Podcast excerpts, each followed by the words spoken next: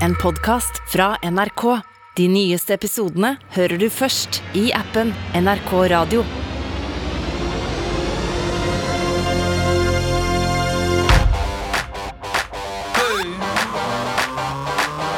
Popkorn over politikk med Sean Henrik Matheson og Gjermund Stenberg Eriksen.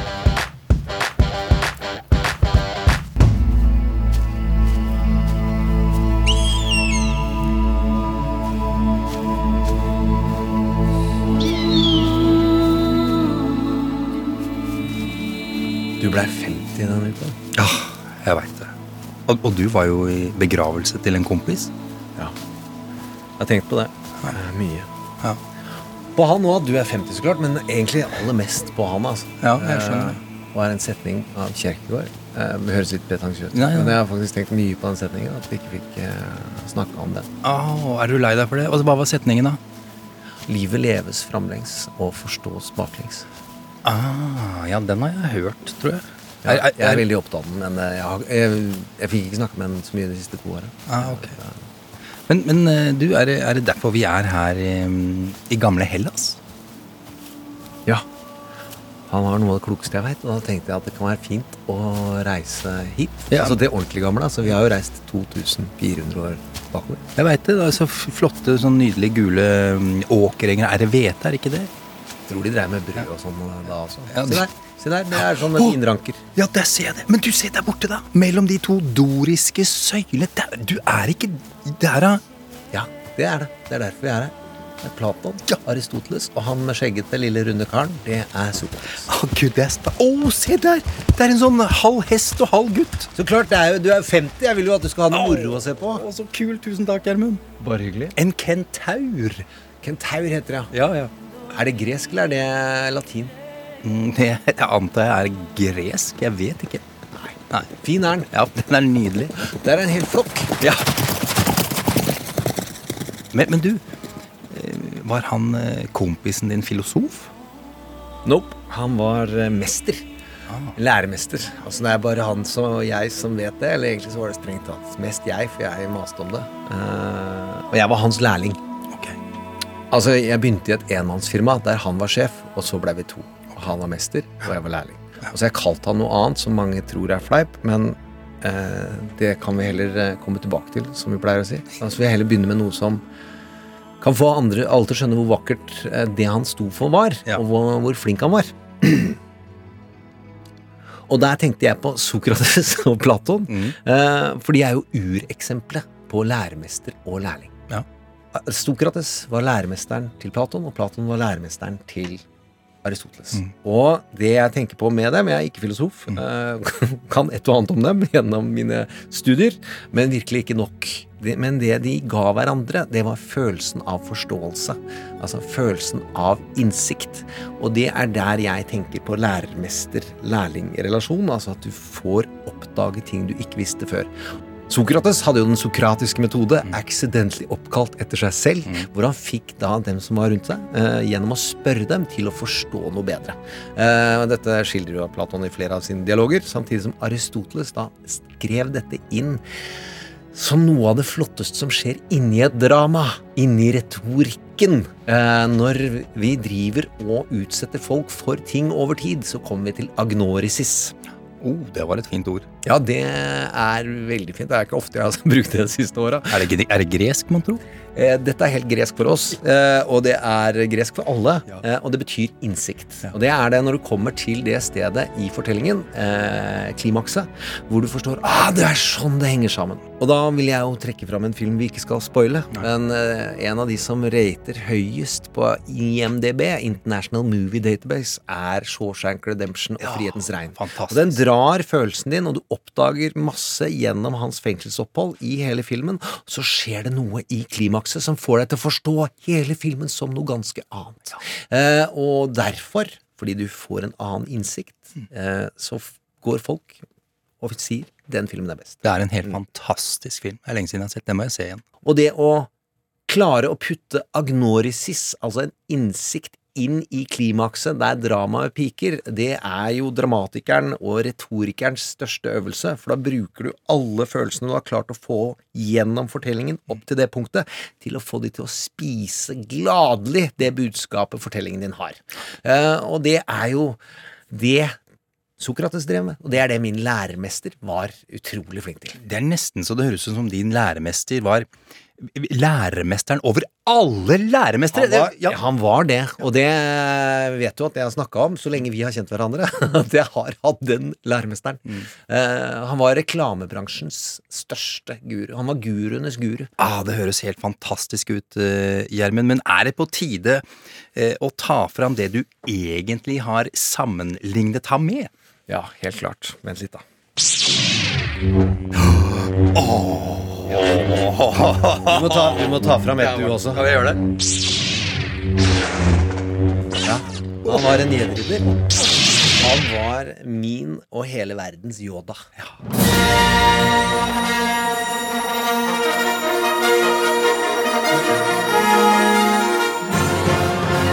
da, vi setter på den musikken, for det er den typen storhet vi er i nærheten av. Og jeg mener Yoda er Sokrates i Star Wars-universet. Altså, han er den som trener opp eh, Mange kjenner han som Liam Neeson, men vi kjenner han jo som Qui-Jon. Og Qui-Jon trente opp Obi-Wan Kenobi. Obi-Wan Kenobi trente opp Anakin Skywalker. Mm. Gikk i dass. Gikk i dass. De, de kommer vi tilbake til. Og så kommer Luke Skywalker. Lærermester-lærling-parallellen er åpenbar, og det er evige innsikter som formidles. Og den største og den klokeste er den minste og grønneste, nemlig Yoda. Han er 800 år gammel, og han trener opp alle sammen og alltid den du går til, og som alltid på en måte har åpen dør. Og han spør og snakker i et kodespråk. Right you are, Gjermund. Veldig fint. Det er det de gjør. Sånn var min læremester, og han hadde den rollen i reklamebransjen. Han var det du husker at jeg sier vi er. Gjedriddere er plannere. Planner. Han er en planner, en sjefstrateg. Og jeg tenkte det kunne være på tide å forklare litt hva det betyr. For det knytter seg veldig til dette innsiktsordet. Og i reklamebransjen i flere tiår så har man snakket om noe som kalles key insights, altså nøkkelinnsikter. Og det er plannerens hovedrolle.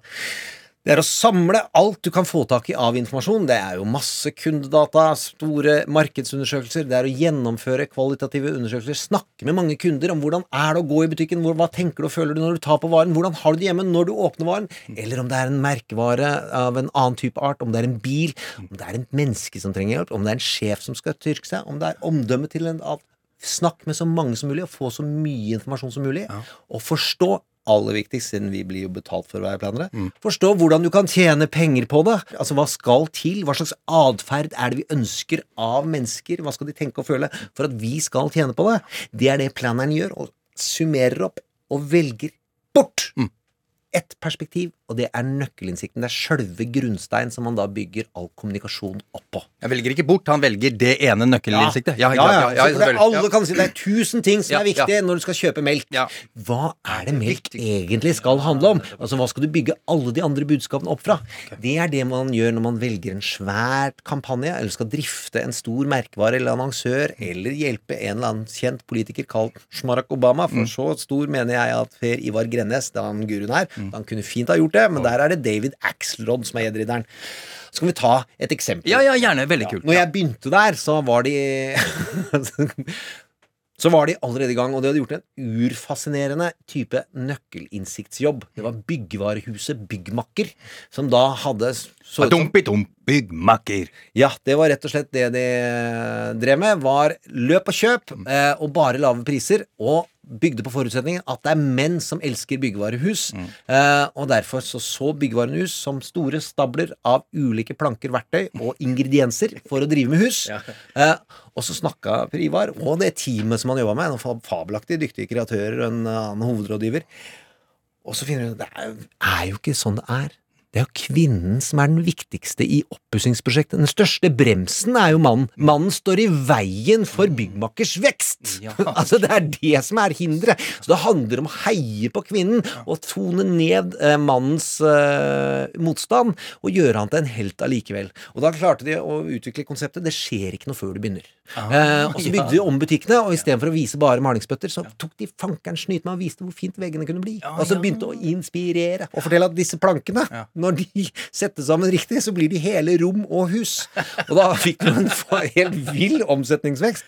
Dette kan virke veldig selvfølgelig i dag, Nei, ja, men og da endra jo hele byggevarebransjen seg, og så måtte man finne en ny innsikt seinere. Ja. Men i fire-fem år så hadde byggmaker en fantastisk vekst med det konseptet. Wow. Men dette ligner jo da veldig på både hva dramatikeren holder på når du lager en serie eller en film, nemlig utnytte følelsen, få det opp til et klimaks, og så boom, komme med agnorisis. Eventuelt, hvis du da er David Axelrod og har Barack Obama og sier at nå alle sier jo at du skal være positiv når det har gått negativt veldig lenge. Eh, Men det å finne den strengen, den innsikten som hele kampanjen skal handle om, yes, we can, Uh, change you can believe in, det er jo da sjefstrategens rolle. Okay. Og der er Per Ivar Grennes. Hva er det jeg har på meg i dag, Jean? Å, du, er så, du er så flott i dag. Du har på deg din jedi-ridderkappe. Ja. Den brune med store armer, altså bre, vide, brede armer, og med den flotte hetta som skjuler hele deg. Oh, der fikk du høre den også! Dundra inn i mikrofonen. Det er helt nydelig. Du ser ut som en jedi-ridder. Ja, I dag skal det handle om nøkkelinnsikter, eh, og det skal bli moro. Ja. Og sånn, nå kjenner jeg kraften. Ja, ja. Drar gjennom kroppen, Ja. og så sier kraften til meg Gjermund, Sean har blitt 50 år! Gratulerer med dagen! Ja, det er veldig stas. Vi fikk lagt ut et lite Ja, sverdbilde det på den var- fandrevne Facebook-sida. Ja, jeg, du, jeg ble så glad, og jeg, jeg, jeg, spu- Det er bare tall, sånn. Ja, det er, bare, det er bare tall. Men jeg, tusen takk for den flotte posten. Men det var egentlig da jeg først fikk det i trynet. Da du la ut den posten. Fordi jeg så liksom meg selv, og så sto det 50 år ved siden av 50! Da ble det litt sant. 0,5 C. Ja, ja, du sa det. 0,5 C. Da går vi litt i latinboka, men Ja. det er, det er et halvt ja, det er ingenting. Men en eh, halv C. ja, det går fint, altså. Og tusen takk til deg som uh, lika det bildet og sendte meg en liten melding. Det satte jeg veldig, veldig stor eh, pris på. Å, gud! Fem, snart får du grått hår. Ja, snart. Det er, det pod, vi kan ljuge om sånt. ja, det er greit. Men uh, ørlite grann vemodig er det, men uh, sånn er det. Dette her skal nok gå bra. Uh, velkommen til Popkorn og politikk. Jeg heter Sean Henrik Matheson. eh, Gjermund Stenberg Eriksen in the house. Produsentene Super-Silje Martinsen Metre og Raske Kristian Aune holder oss i øra som eh, vanlig. Her snakker vi om politikk, eh, filmer og serier, dramaturgi, eh, og hvordan de samme grepene brukes i fiksjonen, brukes også i politikken, hvis du skjønte hva jeg sa der. Vi forklarer politikk gjennom fiksjon, da. God damn it, sjukt bra opplegg, eh, Gjermund. Vi skal til Brasil i dag. Så herlig!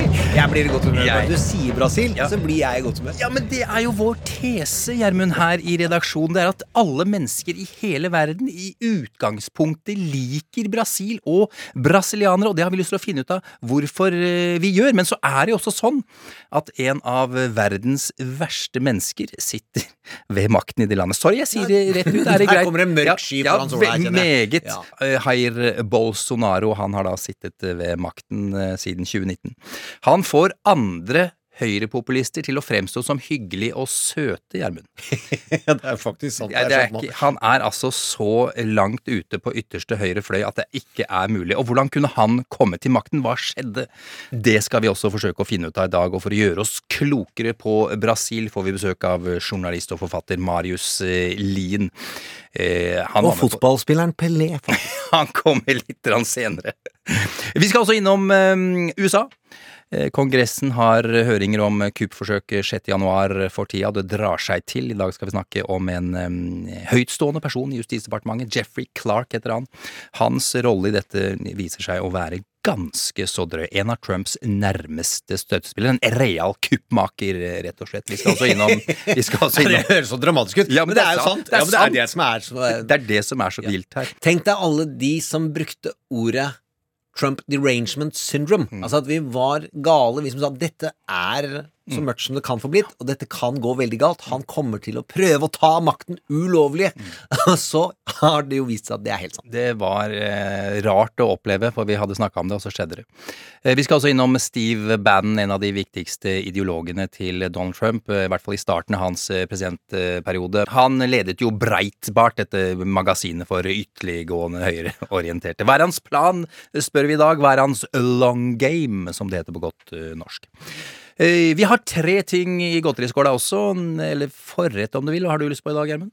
Oreo-kake, det syns jeg alltid er stor stas, siden du er 50. Oreo-kake er er det jederidere spiser Det når de ikke ikke filmer. Så siden jeg står her. La oss eh, rydde all tvil til side. Vi har spekulert på det lenge, det er mange andre gjort også, men nå er det Ja, nå er det ikke noe tvil lenger.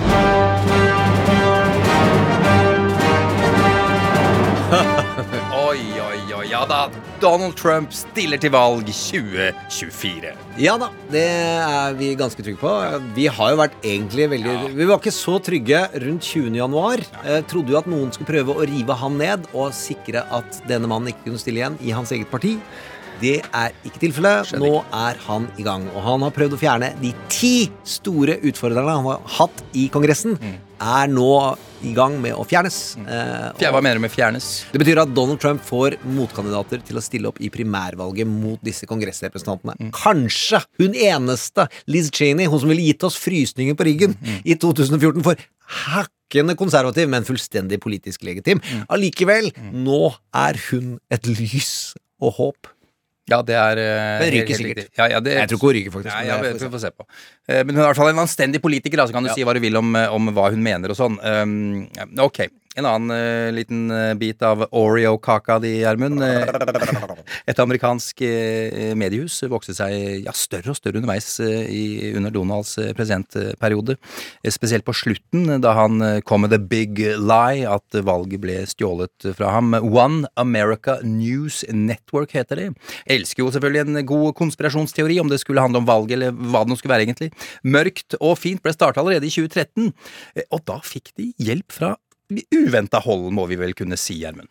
Ja, en av de rikeste aktørene i amerikansk næringsliv er ATNT, telekomoperatørene, og er en ting man alltid skal være veldig redd for, for de eier infrastruktur og tjener på vår aktivitet. De gir beng i hva slags aktivitet, er mitt inntrykk, gjennom å ha jobbet med flere av de over en eh, viss en viss tidsperiode. Og ATNT ser da på det amerikanske markedet at Rupert Murdoch i Fox-systemet tjener veldig mye på høyresiden. Og så sier de til denne medielederen Vet du hva? Det fins én TV-kanal på høyresiden og seks på venstresiden, og vi har CNN. Kan ikke du lage en som er til høyre for dem, og så skal vi sørge for finansieringen over tid. Og de velger seg jo det navnet som er motsatsen av hva de ønsker. One America Network. Altså, de ønsker seg et samlet USA. Nope. Ideen er å splitte. og det har de fått til. Ja. Og de har jo skremt vannet av Fox. Fox hadde muligheten til å gå mot lyset. Når, under stormingen av Capitol Hill så var ikke alle kjempehappy med det, selv ikke programlederne. Og så gikk det 14 dager, og så har noen tatt valget at det skal ikke komme en TV-kanal til høyre for Fox News. Og derfor er Tucker Carlson, som er hovedprogramlederen på Fox News, like rapende hakkende gal. Og da mener jeg helt bokstavelig. Helt bokstavelig. Eh, men Bortsett fra at han er ikke sinnssyk, han er jo, utnytter jo da de mørkeste kreftene han kan, på lik linje som dette AON, som har ingenting med journalistikk å gjøre, og alt med propaganda å gjøre. Ja, det er bare galskap. Og det er CNN ATNT eier også, og de eier også HBO og Max, så neste gang vi koser oss med Batman fet. ja, Det vi må være veldig opptatt av lovreguleringsmessig i EU og USA, det er at disse telekomleverandørene de må stå ansvarlig for innholdet de putter penger inn i. Ja. Men du, hva betyr dette for ATNT? Får de mye kjeft nå, eller har det ikke noe å si fordi det bare koker bort i corn? Jeg tror at dette kommer til å merkes for dem, og at de får eh, De er nødt til å ta ut avstand til AONs innhold, og så får vi se. Eh, Det er for tidlig å si. Mm. Men at eh, det finnes gode cancel culture-mekanismer i sentrum av amerikansk politikk, og ikke bare på ytterste venstresiden, det tror jeg. London And you know what they said? Well, some of it was true.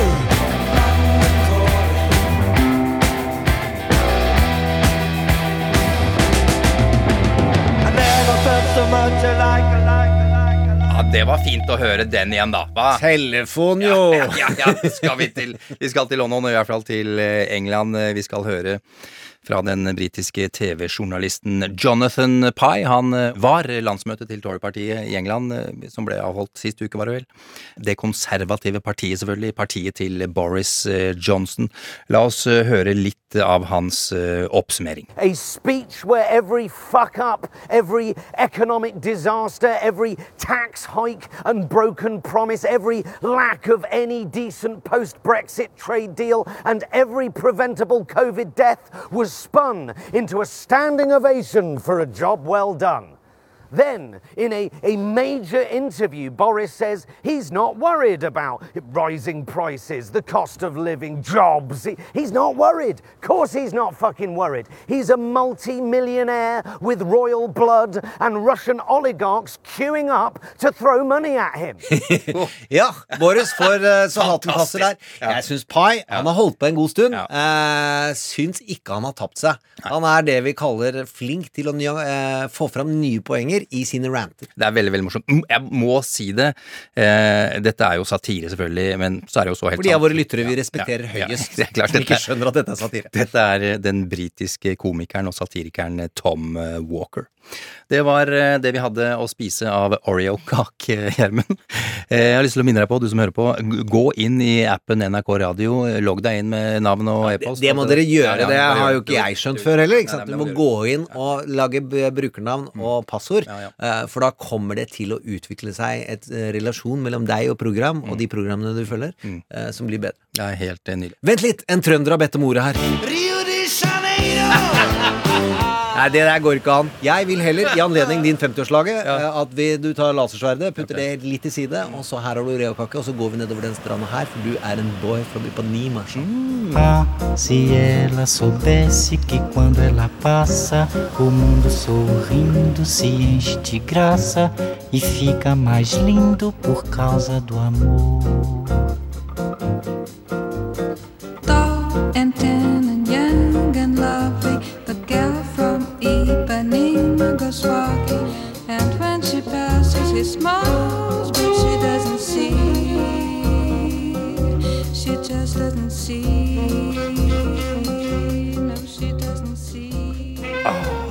Deilig, Gjermund. Bossa! Ok. Du, når du som hører på, hører om Brasil, så tipper jeg at eh, ja, kanskje det første du tenker på er strender. Kanskje spesielt Ipanema. Nettopp. Eller Copacabana. Disse strendene med høye fjelltopper på nesten alle sider, og der byen med sine høyhus kryper nesten helt ned til vannkanten. Og på stranda, ja, der svinger folk på hoftene til bossa nova eller samba i små badebukser og bikinier, mens strandfotballen nikkes og sparkes og trikses i alle retninger. Og apropos fotball, du tenker sikkert på det også. Menn og kvinner i gule drakter som leker seg med motstanderen, tunneler, hælspark og ballen rett opp i krysset. Og hva med karnevalet, å danse gjennom heten i gaten i Rio til bankende sambarytmer med fantastiske kostymer i alle regnbuens farger. Det er klart vi elsker Brasil, er det ikke? Marius Lien, velkommen. Tusen takk. Forfatter og journalist. Skrevet kritiker, kritikerroste bøker om eh, Brasil og fotball, eh, blant annet. Eh, Siste Brasil-bok kom ut i 2018, 'Miraklet i Marseille', da Norge slo Brasil. Det sier seg selv eh, hva den handla om, eh, da Norge slo Brasil 1-2 i puljespillet i VM i fotball i 1998. Kjetil Rekdal fra Han skårer! Norge leder 2-1! Norge leder! Viva la Norvège! Allé, Norge! Sa han Kjetil Reknes? Han gjorde det ikke sant? Er ikke det den legendariske tingen han sier der, Marius? Jo, han gjør det. han gjør det Det kokte opp i toppetasjen, selv hos Arne Skeie. Et av de beste øyeblikkene noensinne, Gjermund. Uansett, det må jeg bare si. Eh, Men eh, Marius, det er ikke bare fotball du har greie på, bare for å si det med en gang. Du kan Brasil. Eh, Jeg kasta ut en påstand i stad her, at enten vi har vært i landet eller ikke, kan noe særlig om det eller ikke, så er det akkurat som om alle elsker Brasil. Er det en påstand du kjenner deg igjen i, Marius? Personlig kjenner, meg, Ja, kjenner jeg meg igjen i det, i hvert fall. Eh, Men jeg bare tenkte på det når du eh, tok eh, din lille intro hvor du fortalte om Brasil, og jeg tror det oppsummerer det forholdet mange har til Brasil. Ja. Hvordan er det egentlig mulig å ikke like det landet? I hvert fall hvis du ikke kjenner så veldig godt til det. Ja, er, eh, Og der sitter jeg! ja. ja, men det er veldig, veldig veldig mange ting ved Brasil som gir folk positive assosiasjoner. Musikken, tonen til Girl from Ipanema, man har hørt den en million ganger allikevel. Det går ikke an å bli sur når du hører det. Det er ikke mulig. Det er mange, veldig mange blir glade av å se Så er det jo hem, det hemningsløse, altså den positive delen av hemningsløse. Altså Samba er jo av bare slippe alle hemninger og danse og ha det moro. Eh, Det er jo oppskriften på å like det. Ja, det er jo karnevalet. Det er jo, preger jo hele Brasil, det brasilianske samfunnet, selv om det ikke varer hele året. Men akkurat den karnevalmodusen, eller den karnevalkulturen, er noe veldig mange assosierer med Brasil, og der er jo eh, Ja, har jo en liten hedonistisk snert, da, som jo er fristende. Ja, det, det kan man fort eh, få lyst til å dykke inn i. Eh, Men også er det vel også det som jeg ikke sa noe om. Naturen, regnskogene, dyrene, alt det der, Marius. Helt soleklart. Amazonas blir jo kalt verdens lunge, og Amazonas i mitt hode det er vakkert. Det er masse grønne trær, elver som slynger seg, elver i forskjellige farger. Dyr, dyrelyder, eh, fruktbarhet, liv, glede. Det er liksom mye det er sånn, Nå snakker jeg rent assosiasjonsmessig, da. Men også storbyen eh, Rio de Janeiro, som du snakka om. Eh, også Vi nordmenn er veldig opptatt av Lofoten, fordi fjella skyter rett opp i været, og det er vakkert og sånt noe. Eh, men det gjør det jo også i Rio. Og der har du Copacabana og Ipanema i, ved siden av. hvor Det er litt varmere vann enn i Lofoten, og eh, det er eh, andre typer aktiviteter på stranda. Ja. Jeg liker Nord-Norge òg, selvfølgelig. Ja. Eh, men det er på en måte det samme, men du har noe annet i tillegg. Ja. Eh, og mange ser jo for seg Rio Skyline med de strendene, Sukkertoppen, Jesus-statuen. Det er jo et fint bilde. Ja, det er, ny, Det er, det eh, er helt rått. Og så en pistolmunning, for jeg er redd for å bli rana. Det kommer vi tilbake til, eh, Gjermund. Som vi sier her i Popkorn og politikk. Fader, goddammit, det skal stå på koppen vår. Men eh, Marius, når du er i Brasil, eh, hva er det du gjør da? Det kommer jo litt an på, da. For hva er forskjellen på en sånn halvveis jobbtur, liksom, aleine, mm. og eh, familietur? Men eh, Hva slags folk treffer du? ganske vanlige brasilianere, vil jeg si. I 2013 var jeg der ganske mange ganger i forbindelse med boka jeg skrev om brasiliansk fotball, som kom ut eh, like før VM. Eh, og det er løst og fast. Det er liksom en lærer, en journalist, en fyr jobber med å selge kjøleskap. Eh, det er ganske, jeg vil si, eh, vanlige folk. Som er, ja. Hvordan er vanlige folk i, i- i Brasil? Er de glade, er de sure, er de blide? Altså, hvordan er de? Når jeg kommer, så er det i hvert fall veldig mange som har lyst til å eh, møte meg på gata og sette oss ned på noen plaststoler og kjøpe noen kalde øl og uh, sitte og prate og se på liv som går forbi og uh, på fotball på en liten skjerm, som ofte er, uh, henger oppe i kafeen der. Gjerne på en strand, eller i bydeler som Botafogo eller Copacabana, hvor det er mye gatekafeer som er fine å slå seg ned på. Med, med fare for å generalisere, er det, er det en positiv gjeng, vil du si? Ja. ja, det vil jeg, det vil jeg faktisk De si. leverer Det på er, Ja, ja, Det er eh, ikke noe grunn til å gjøre det vanskelig. Det er mye glede der, opplever jeg. Ja. Det er det. Eh, Det det er vanskelig å snakke om Brasil eh, uten å snakke om favelaer. Eh, Og, og særlig i Rio de Janeiro så er det en, en stor del av byen.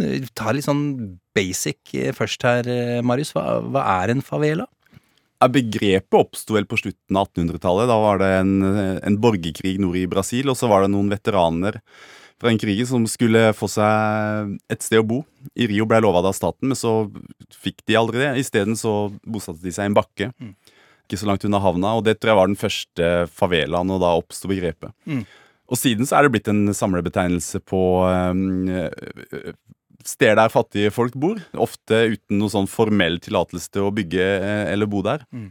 Det er jo noe man kaller slum i eh, andre land. Men favela har jo andre Man får andre assosiasjoner av det ordet Mm. enn av ordet slum. Men det er jo mye fattige folk som bor der. Ja, rett og slett. Og de bygger ting av midlertidig Altså det er mye midlertidig bygg, ser det ut som. Ja, men det er jo mange som bor der hele livet også. Men ja, ja, ja, det, men det, altså bygge, by, det de bygger med, er ikke byggekonstruksjoner som er ellers i bydelen. Er det? Nei, det er jo, eh, det er jo eh, slitne murhus Ja. som er satt opp med Bølgeblikktak og og ting, eh, eh, kanskje gitter for vinduene, men ikke så mye mer. Det, er, det, det ser jo fattigslig ut i mange av de favelaene. Du var litt inne på det her, Marius, at det er et parti. Altså Favelafronten, kan vi oversette det til å bli noe sånt noe? Ja. Mm. Så hvordan vil du si at de organiserer seg i, i favelaene? Det er jo enorme områder, riktignok, og mange forskjellige favelaer. Men hvordan er det noe greie Holder de på med det? Organisere seg litt mer? Ja, jeg er ikke noen ekspert på det, altså, men det er jo det som er mitt inntrykk av at de tidligere har vært litt satellitter. Og så har det i de senere, i hvert fall Rio, da, eh, kommet flere og flere initiativer der man har eh, sett behovet og eh, funksjonen av å samarbeide. Og det skyldes antageligvis eh, eh, internett. At man nå kan kommunisere på en annen måte enn man kunne tidligere. Eh, og det partiet er jo et av de eksemplene. Nå ble ikke han innvalgt, dessverre. Så det var jo litt, litt nedtur, da. De hadde et reelt håp om det. Men de er jo fortsatt aktive, og, og det er jo et av flere initiativer. Og det er masse sånne kulturelle greier. Det er en Tasa de Favelas, altså en fotballturnering for favelaene, eh, som har pågått i en del år. Så det er masse ulike initiativer da, som, der de prøver å rett og slett samarbeide. Og det er jo veldig bra. Det er jo en hyggelig utvikling. Det er det. Og viktig, selvfølgelig. Ja, det er nyttig, fordi de har jo ikke hatt noen sånn reell stemme, og det har ikke vært noe sånn eh, eh, prestisje i den brasilianske pressen å ha sine korrespondenter i favelaene. Eh, vi skal eh, Jeg er nødt til å snakke om eh, de mørke kreftene i Brasil også, Gjermund. Den eh, store skyggen. Mm, den store skyggen som nå Ja, kommer innover oss. skuffelse, altså. Ja. Inn i Brasil-mytologien. Jeg har hatt utrolig lave skuldre og fulgt med, som lytterne sikkert har skjønt, veldig lite på Brasil her i verden. Hva som skjer. Plutselig Mm. Skal de vinne VM i ytre høyrepopulisme. Det syns jeg da var Det å vinne i alt altså Jeg har alltid ønsket at de skal vinne VM i alt. Ja, ja. Fordi det har vært så øh, befriet siden Zico Eder og 82, da jeg liksom var mine formative fotballår. Så kommer de og vinner VM i høyrepopulisme, eller konkurrerer sterkt med Trump. Da. Jeg tror ikke de Nei, jeg tror- jeg tror- jeg tror ikke de vinner VM, men han prøver. Ah, jeg tror kanskje han vinner, jeg. Nei, det er- da hallo, bank i bordet. Bolsonaro. Atomvåpen. Altså. Atomvåpen kan ikke dra i gang ting med Kina, øh, og kommer ikke til å samarbeide med Russland veldig mye. Han kan plage sin egen befolkning, og det er, du vinner ikke VM med det. Du må ødelegge hele verden for å vinne VM. Ja, men du, la oss eh, finne litt ut av dette her.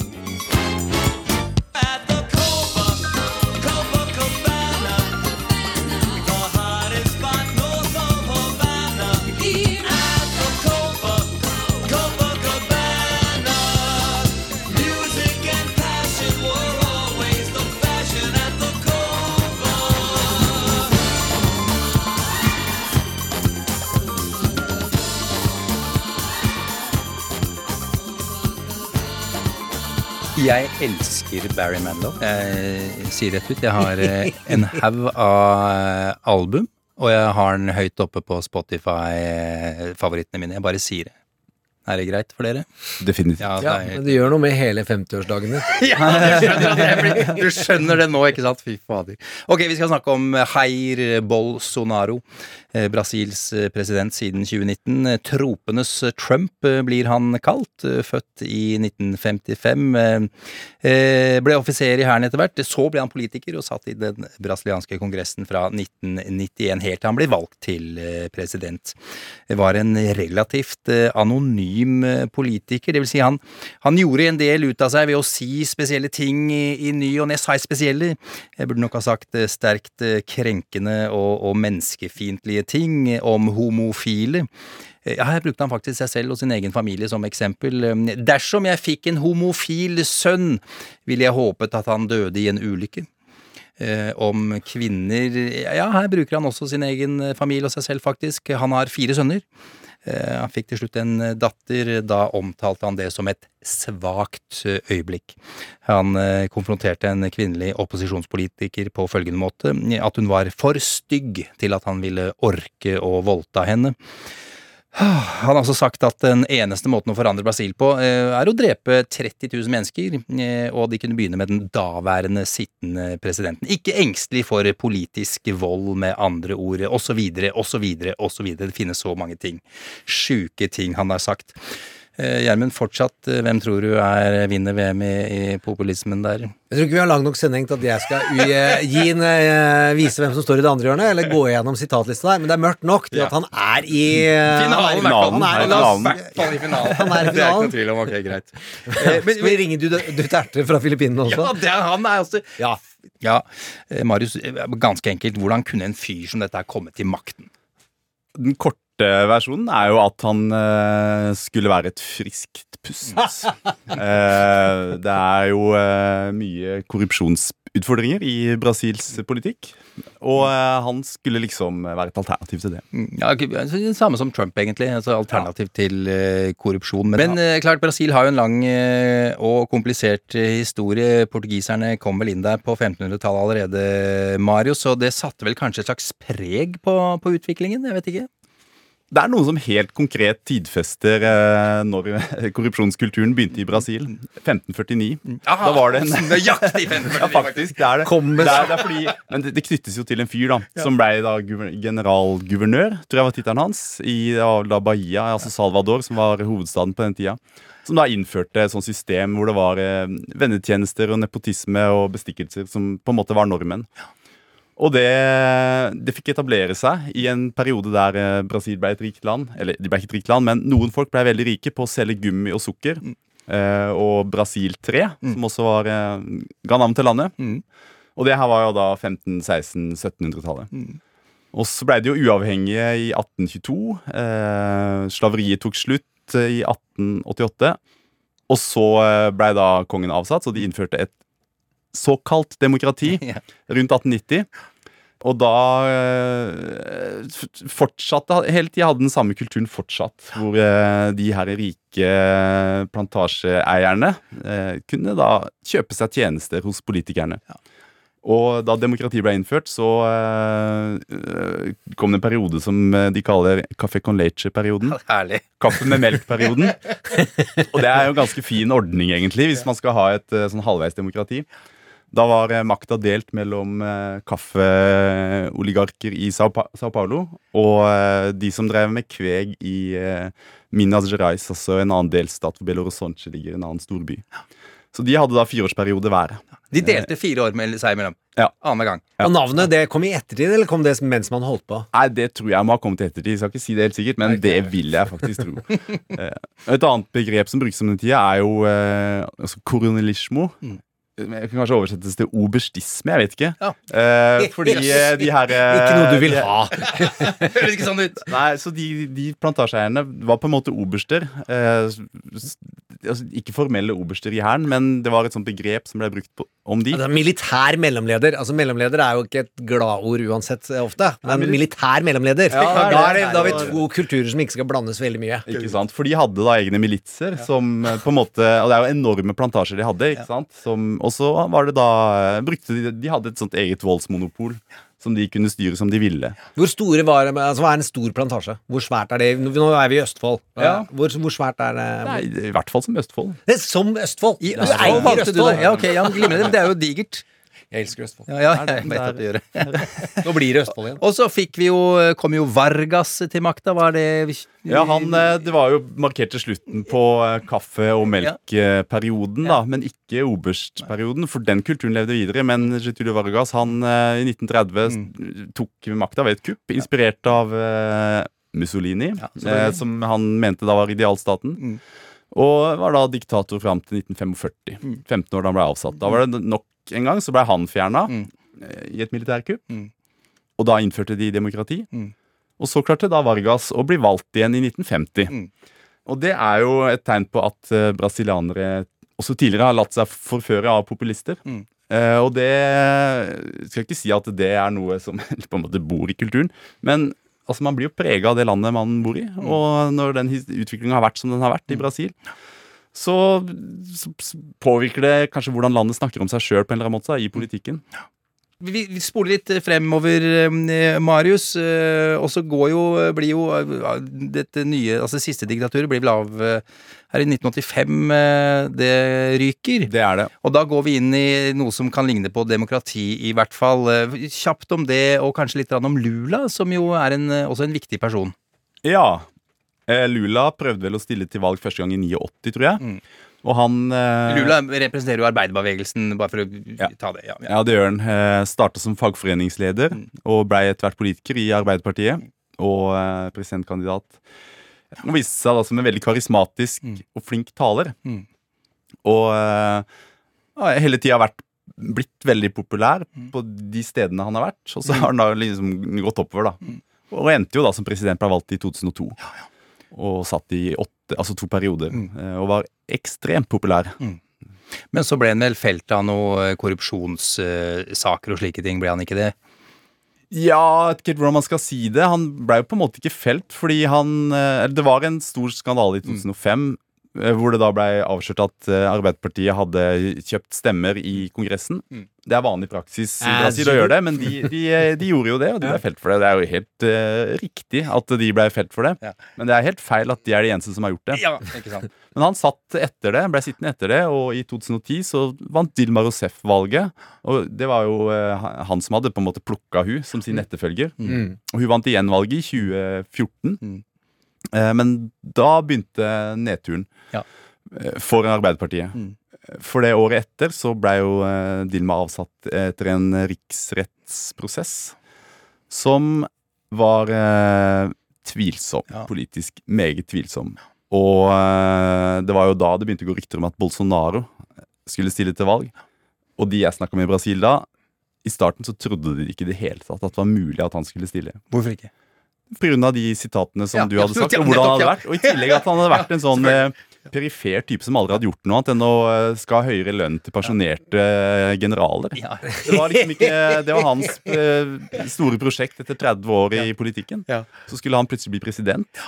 Så de trodde det ikke. Men han, eh, det var da han begynte liksom Eller da hadde han antageligvis begynt lenge med å bygge seg opp en, eh, et, et prosjekt, holdt jeg på å si. Men hva slags altså, Hva er det han bygger det på? Altså, hva, hva det, hvilken streng er det han treffer? Er det bare antikorrupsjon, eller er det, treffer han noe annet? Det er også at han skal være en hardliner mot uh, kriminelle.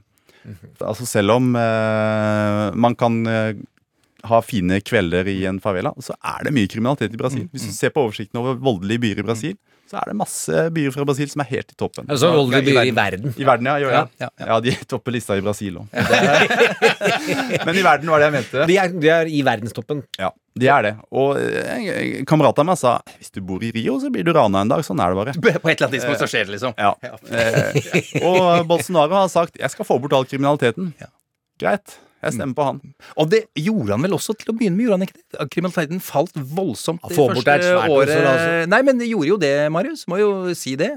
Ja, eh, det er noen tall som tyder på det. Det er det. Ok, det er ikke, kanskje tallene er falske, er det det Nei, jeg vet ikke. Han, Ja. han fikk det i hvert fall ikke bort. Eh, og antall eh, døde i eh, favelaer har jo gått til værs. Ja, nettopp. Fordi eh, han, Et annet fint sitat er jo at eh, en politimann som ikke dreper, er ikke en ekte politimann. Ja, nettopp. Han har jo, eh, Et av prosjektene hans var jo å sørge for at det var mye lettere for politifolk å bruke våpen uten å, eh, altså uten å spørre først. Ja, ok. Et eller annet i den retningen. Ja, ja, ok. Så eh, Og da, altså, og, sant, da er vi jo inne i favelaene, og, og, og, det å skape frykt for det som foregår der, blant resten av befolkningen, ikke sant? ja, det har jo han spilt veldig på. Ja, ja.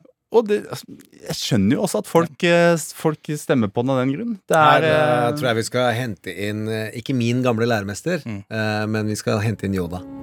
Fear is the path to the dark side. Fear leads to anger. Anger leads to hate. Hate leads to suffering. Ja, Og det må man huske på, at Ja. der ligger det en dyp høyrepopulistisk innsikt i at de alltid trenger frykt. De trenger de andre. Og jo reddere du kan få noen, jo lettere er de å samle. Ja, det er det. Og så må vi ikke glemme eh, altså, politikken hans, som er konservativ. ikke sant? Og Det er jo, handler jo om lite skatter og, og ned med offentlige tjenester og alt det greiene der. ikke sant? Ja.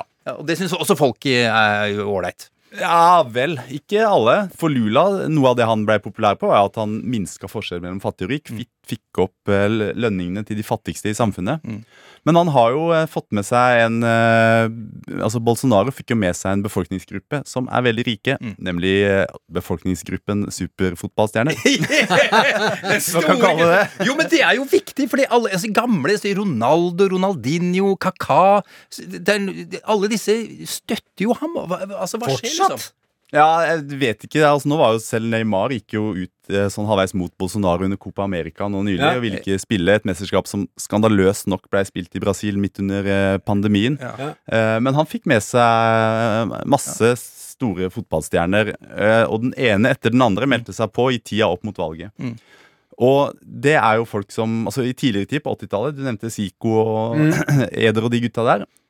De tjente bra, men ikke nok til at de kunne bare leve fett på det resten av livet. Så Sokrates legen, måtte han tilbake og jobbe som lege videre? han måtte i hvert fall eh, gjøre litt ting for å eh, finansiere sitt liv. Eh, og det var han med krøller eh, og Ja, som men ikke brukte brukte merke, vi fikk Sokrates fram i dag. Men vi fikk inn Sokrates ja. en gang til. Ja. det er, eh, de folka der var ikke sånn superrike, men dagens fotballspillere er helt ultrarike. De har så mye penger at det er helt kvalmt. Mm. Og når du har så mye penger, da vil du ikke ha staten ned i lomma di for å ta penga dine. Gidder ikke trenger du skatte. Så enkelt er det, liksom. Men hva, hva sier liksom folket, da? Fansen, om, om det? Det er mange som har rynka på nesa av det, men de, altså, de får jo også med seg folk. Og her spiller jo også religionen inn, for det, veldig mange av de spillerne tilhører de evangelske kirkene. Og det gjør jo også Bolsonaro. Han ble jo døpt i 2016 i Israel hos sin venn eh, Netanyahu. Ja, eh, og, eh, og de har brukt det nettverket helt konkret for å få fotballspillere på laget. Sånn som Rivaldo spilte mot Norge i eh, 98. Og han var, han var en av de siste, husker jeg, som meldte seg på. Sånn typ to dager før valget. Mm. Lang og fin, velskrevet post på, eh, på sosiale medier. Derfor må vi støtte Bolsonaro. Det er klart han vipper folk over. Ja, det er klart. Det er superhelter. Det er superhelter. Det er, Det eh, er guder, liksom. Det er det. Ja, ja. Så, og han har jo brukt det helt skruppelløst, fotballen. Um, jo, en ting vi ikke har snakka om, men som jo er noe som betyr noe for, uh, for alle og hele verden, det er jo eh, klima og miljø og sånn. Han tror jo selvsagt ikke på menneskeskapte klimaendringer, eh, Bolsonaro. I løpet av det første halve året han satt som president, så økte avskogningen og raseringen av regnskogen i Brasil med 88 altså, Og det er da kvegdrift. Det er ganske vilt, Gjermund. Gruvedrift, eh, soyaproduksjon og, og slike ting er da viktigere enn å være verdens lunge, som du sa, eh, Marius. Og for å sette et bilde på dette her, en eh, fotballbane med regnskog forsvinner i Amazonas hvert minutt. Han røyker rødprins to av gangen. Det er så vilt, altså. Men hvor farlig er Bolsonaro for verdens klima, for å si det sånn, eh, Marius? Hva, hva, hva tror du om det? Jeg tror han er eh, ganske farlig, fordi han har jo, gikk jo til valg på at han skulle eh, hente ut verdiene i, eh, i regnskogen. Mm. Helt konkret. Mm. Og han har jo fått kritikk fra hele verden. Jeg tror Norge trakk vel eh, sin Stoppa å overføre masse millioner for noen år siden. Ja, ja, gjorde det. Ja, ja. Ja, nei, Han har jo sagt at eh, vårt Amazonas det er som et barn med meslinger. Hver prikk er en urbefolkningsstamme. Så eh, de prikkene skal jo vekk. Ja, fy fader, han, han Dette er slagkraftige greier. Ja, det er ganske heftig. Gud, det var grusomt, det siste du sa der. Ja, Han har ikke utmerka seg som en person som respekterer eh, urfolk. Det er folkemord. Altså Folkemordreklame er det, med andre ord. Ja, det er jo det. Det er folkemordvitsing. Ja, det er det. Ja. Men hva, hva, hva, det med regnskog og, og klima, hva, hva slags plass har det i Brasil blant folk flest? Den har nok ikke så stor plass som uh, her. Men tenker de på at fader, vi bor jo i dette landet, vi er verdens lunge. Har de noe forhold til det? Mange har det. Ja. Men han har også støtte i eh, Altså i Amazonas-delstatene. Mm. Amazonas, Acre og de andre innover der. Eh, Det er jo fordi han skaffer arbeidsplasser. Ja. Så de er fattige. De trenger mat. Ja. Selvfølgelig må man ha mat på bordet, hvis ikke så legger man seg og har vondt i magen. Ja. Så er det en politiker som skaffer de jobb. Mm. Greit, stem på han. Det er en logikk i det. Det er en Så- logikk for all del. Det er jo Brasils utfordring å skaffe den maten på bordet på andre måter. Han blir jo kalt tropenes eh, Trump. eh, Hvordan vil du sammenligne de to? Det er jo likter mellom de. Eh, de er jo populistiske, eh, og de har, eh, som vi har snakka om, framstilt seg som et alternativ til eliten, i anførselstegn. Hvem nå eliten er. Og så er det jo det at de er veldig opptatt av falske nyheter. da. Hvis de får kritikk, så er det jo veldig fort gjort å kalle det for falske nyheter. Og eh, da han vant valget, så var jo aktiv spredning av falske nyheter og motstanderne via WhatsApp-grupper en sentral del av eh, konseptet deres. Det er blitt påvist seinere at de drev mye med det. Så de har masse likhetstrekk, og eh, de er jo også venner. Eh, Bolsonaro har jo vært der, har jo gitt Trump en brasiliansk landslagsdrakt med nummer ti på. Ja, den er jo på Eh, bildet vårt i dag, på, ja, ja, på radiospilleren. Er, ja. Og Bolsonaro brukte jo også landslagsdrakta som Tok jo det som et symbol. Så når det er pro-Bolsonaro-demonstrasjoner, så går alle i landslagsdrakt. Det er jo dark. det er det, er, eh, det er veldig, veldig veldig trist. Overflatemessig så er han jo en showman, akkurat som Ja, Trump er. det. Det er er- morsomt. Altså, jeg har jo sett noen pressekonferanser med han. Han har jo punch, han har jo trøkk, og han tar scenen og er veldig sånn Kamera finner han. Eh, og så har han jo den sansen for eh, massemanipulasjon. Trump er ekstremt god med de røde capsene. Det er en kjempeidé. Han var alle ironiserte med den røde 'Make America Great Again'. Funker som tusen i masseforføring. Ja, og det er det Eh, samme som landslagsdrakten ja. i Brasil. Og det, det er, også eh, skjønne bred pensel er det beundringsverdig sett fra eh, ståsted, mm. så, så, er det, så er de flinke, altså. Men du, Apropos det med falske nyheter. Korona har jo herjet eh, i Brasil, og det er vel et av de hardest eh, rammede landene. Eh, hvordan har det eh, påvirka folks syn på, på Bolsonaro? Ja, han, han, populariteten hans har stupt Ja. de siste par åra. Mm. Eh, det er ikke Tallene nå viser at han har minimalt støtte i befolkningen. Og eh, det er jo ingen som syns han har gjort en god jobb Nei, fordi, under jeg- korona. Og han har jo nekta for at det har vært noe problem i det hele tatt. Takk skal du ha. Han slår faktisk Trump i dårlig koronahåndtering. Ja, han har jo aktivt ja. motarbeida alle tiltak for å eh, bekjempe korona. Han, har bekjemp han vil ikke ha noe form for nedstenging. Han vil ha mer sosial kontakt. Vi må jo ut, vi må jo leve litt. Ha det litt gøy. Eh, og han har eh, slått ned på delstatsguvernører som har igangsatt tiltak på egen hånd. Fordi Brasil har 27 delstater, som er ganske stor del av selvstyret. Altså, De har ganske mye selvstyre. Og mange guvernører har jo sett behovet for at de må stenge ned samfunnet. Hvis ikke blir alle syke og dør. Helsevesenet bryter sammen. Det er ikke nok respiratorer. Kan dette felle ham til slutt? Ja, det tror jeg kanskje det kan.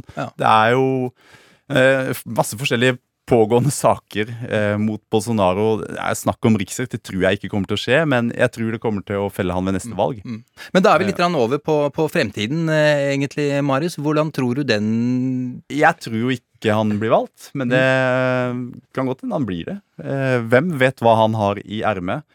Og så er det jo det at han, eh, han helt konkret har sagt eh, at uh, vi kan ikke lenger stole på Høyesterett. Hvis ikke Høyesterett gjør ditt og datt, så uh, må vi kanskje ta i bruk noen uh, virkemidler som ikke alle liker. Det er- det er Trump all over Med again, liksom ja, ja. tanks og uh, i ryggen når han sier det. Han har vel allerede planta at uh, vinner jeg ikke valget, så er det valgfusk. Ja, det har han sagt. Ja, ja ikke sant? Så vi er eh, ja, helt klart. Men Hva slags relasjon har han til de militære lederne, og hva slags standing har det militære lederskapet i Brasil? Altså Er det et eh, velkoordinert militært lederskap som med en egen politisk vilje, som det er en raskt til diktaturpotensial? Er det fort? Er det i stedet, eller?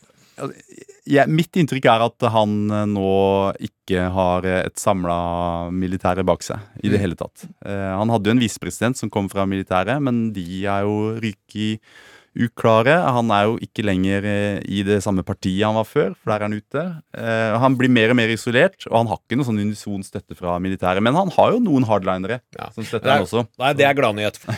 ikke sant? Ja. Jeg lurer på om vi skal eh, avslutte ja, på det, i, det, i det litt lyse der, at, at du, Marius, tror at uh, Bolsonaro kanskje ikke vinner igjen. Ja. Og hva er det, hvem som skulle ta over da? Bare sånn, er det da arbeiderbevegelsen igjen? Lula? Og Det er mest uh, sannsynlig at det blir Det er jo sånn eh, at det ender opp med to kandidater i andre valgrunde. Mm. Og da tror jeg det blir eh, Arbeiderpartiet mot Bolsonaro. Mm. Når er valget? Arbeiderpartiet vinner. 2022.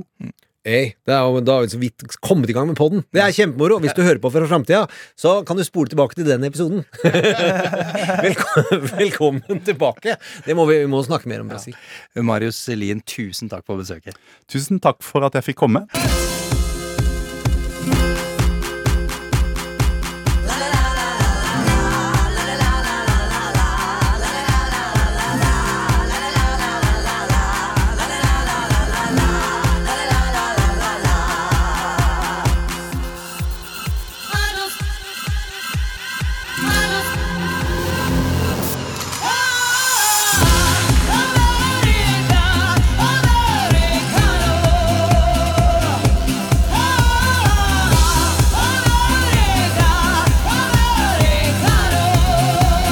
Popkorn og politikk. Wow, det var Lady Gaga der. Men du ser fjetter Ja, der fikk vi blanding av samba og mørke. Det synes jeg var en Bolsonaro-blanding. Ja, det var det. Ja, den hadde ikke jeg hørt, for å si det sånn. Ikke jeg heller. Eh, vi skal til USA. Eh, I Representantenes hus er for tida høringer om angrepet på Kongressen 6. januar eh, i år. Kuppforsøket til Donald Trump. Eh, Dette nevnte vi så vidt det var i forrige episode. Donald har jo påberopt seg executive privilege igjen. Altså det er en eh, en rett amerikanske presidenter og høytstående embetsmenn og kvinner har for å holde ting hemmelig. Eh, Han vil da ikke at hans nærmeste allierte skal vitne om det som skjedde. Dette har han ikke fått igjennom. Joe Biden har for eksempel sagt at det kan du bare drite i. Ja, det var eh, Det er presidenten som kontrollerer taushetsbelagte ting. Altså hvem som kan da påberope seg noe slikt. Og så er det Justisdepartementet som eh, kommer til det neste punktet, nemlig om du må møte opp eh, Om det skal få juridiske konsekvenser eller ikke.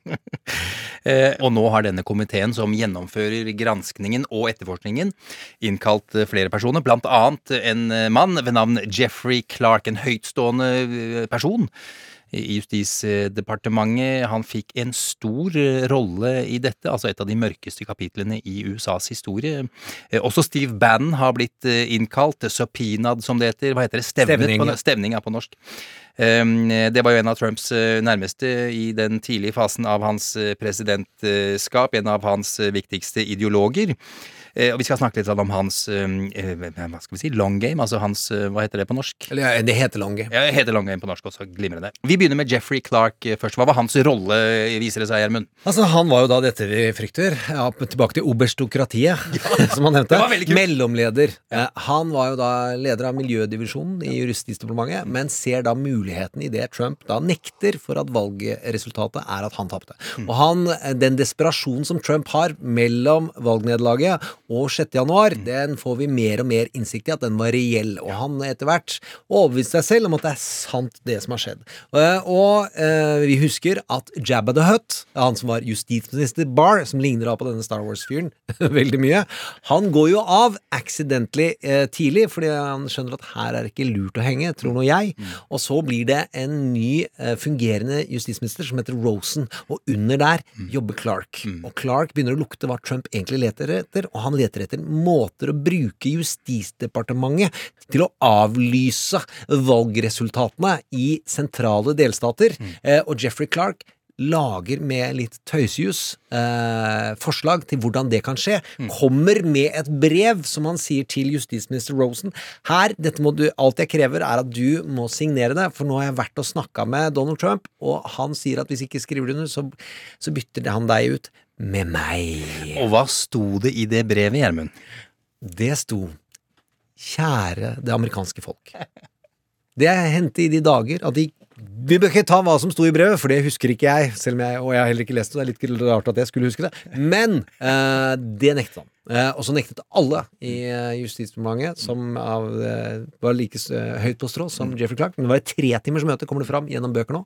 Og sjefen hans, og der er vi kanskje ved det som gjør at han er veldig aktuell denne uka, har sittet i ti timer og forklart at Jeff Clark, han er den som er den onde kraften i Justisdepartementet. Ja, altså, du, nå snakker du om tidligere justisminister Rosen, som har forklart seg i ti timer og forteller at det er ikke min skyld, noen ting, det er Jeffrey Clark! Ja. Jeffrey Clark! Så de bøkene vi da hørte om gjennom sommeren, blir nå bekreftet av Rosen inn mot Kongressen.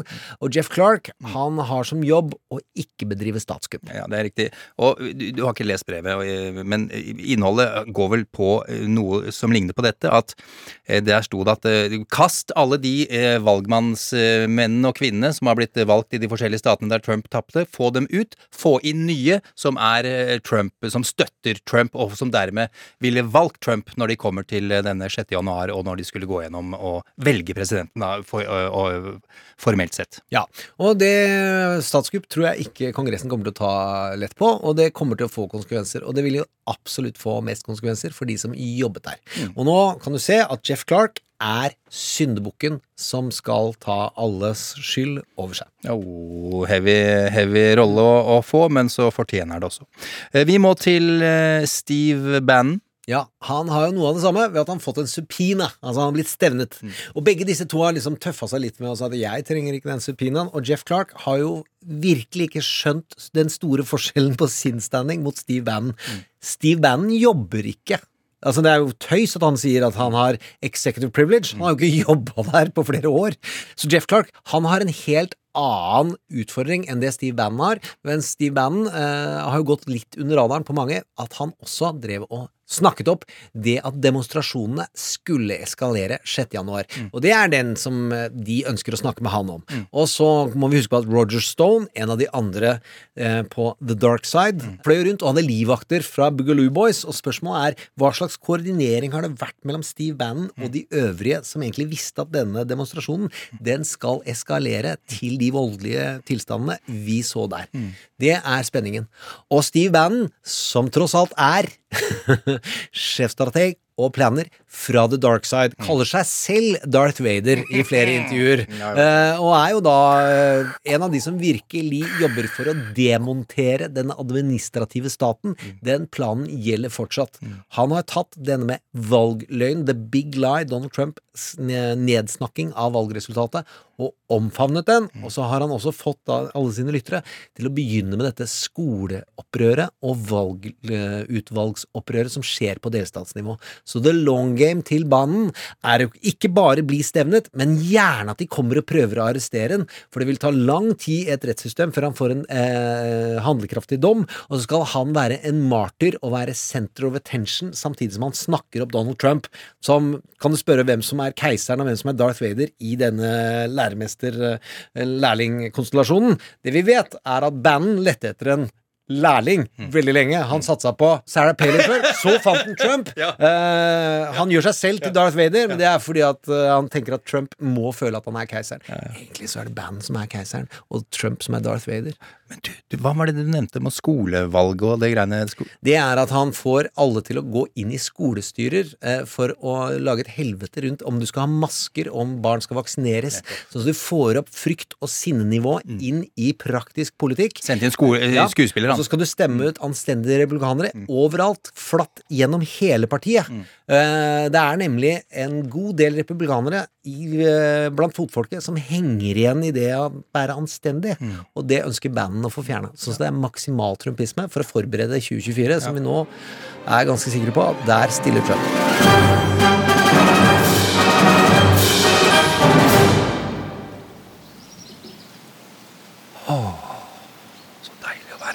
Vi er tilbake i gjengene. Det var digg.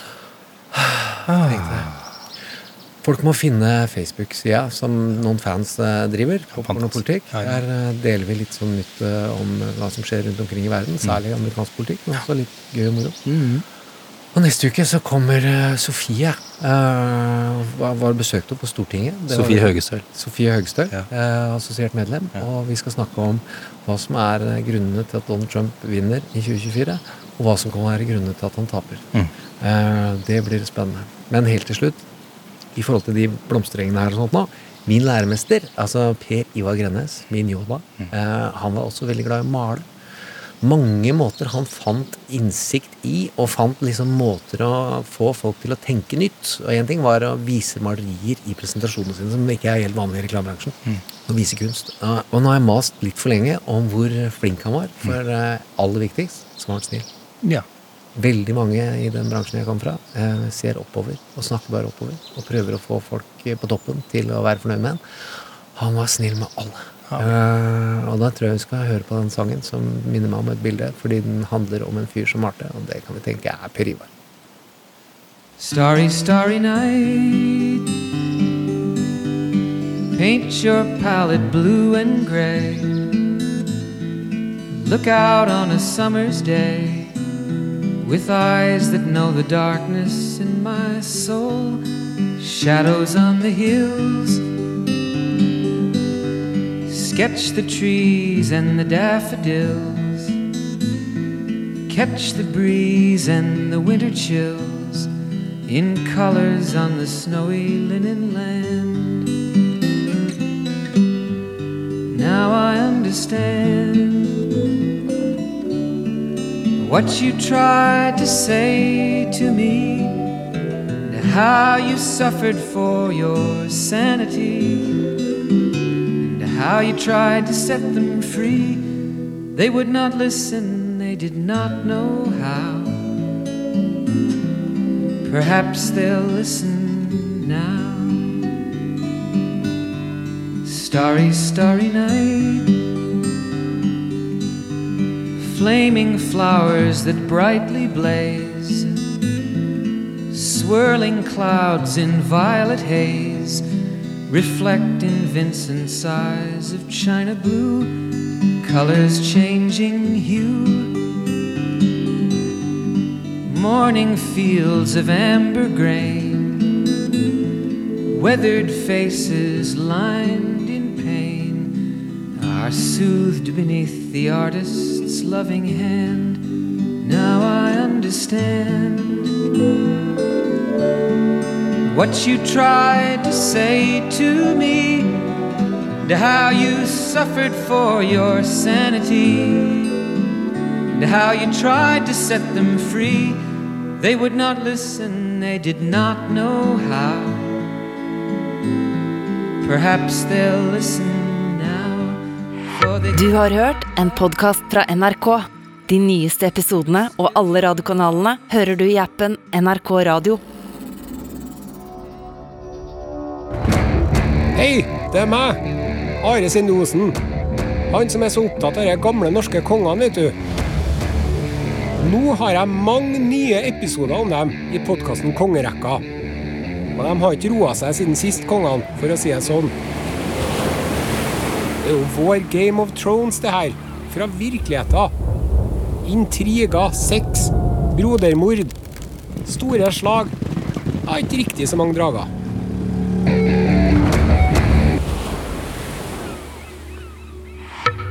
I appen NRK Radio kan du nå høre nye episoder av denne podkasten en uke tidligere enn i alle andre podkast-apper.